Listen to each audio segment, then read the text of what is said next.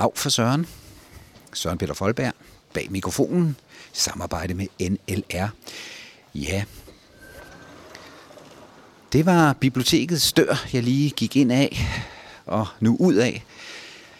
Fordi øh, i næste weekend, jamen der er der jo kulturaften i København, men øh, i morgen, fredag, der er der simpelthen kulturnat i Næstved.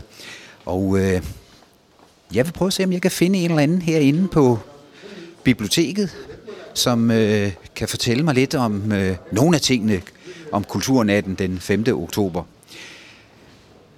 Jeg tror, jeg har jo prøvet selv at være afsted til sådan en kulturnat, og øh, sidste år var jeg øh, her i Næstved.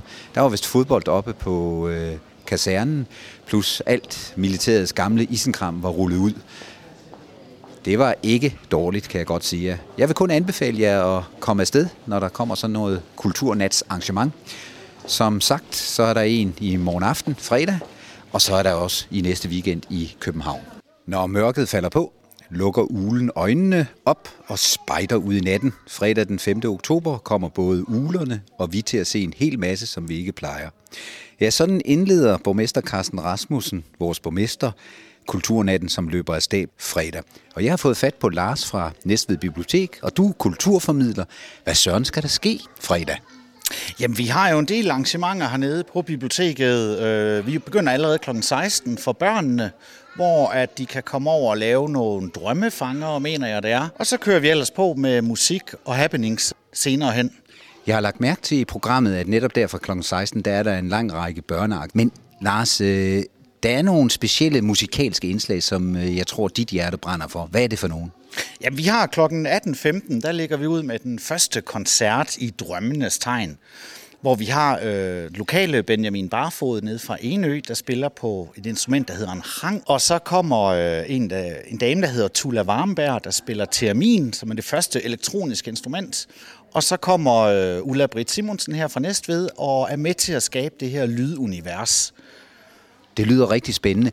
Nu lagde du ud med at sige en rang. Altså, hvad er det? Er det et klaver, eller er det... Hvordan ser det ud?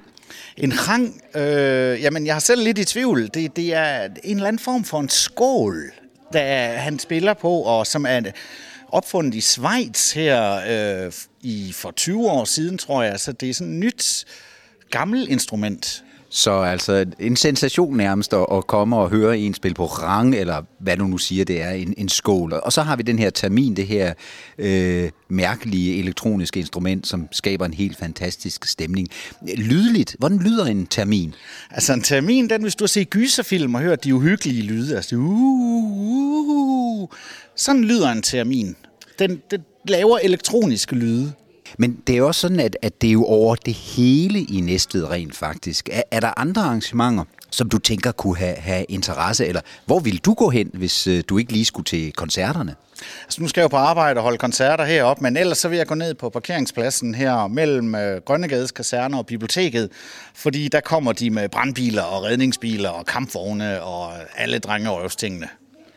Ja, og jeg tror, jeg vil gå op til, øh, til argentinsk tankodans. Øh, jeg tror, det er op på Grønnegades Kanserne, og så vil jeg tage min kone med. Det kan jeg godt anbefale det der. Det er lidt slæbende, men også temmelig intenst.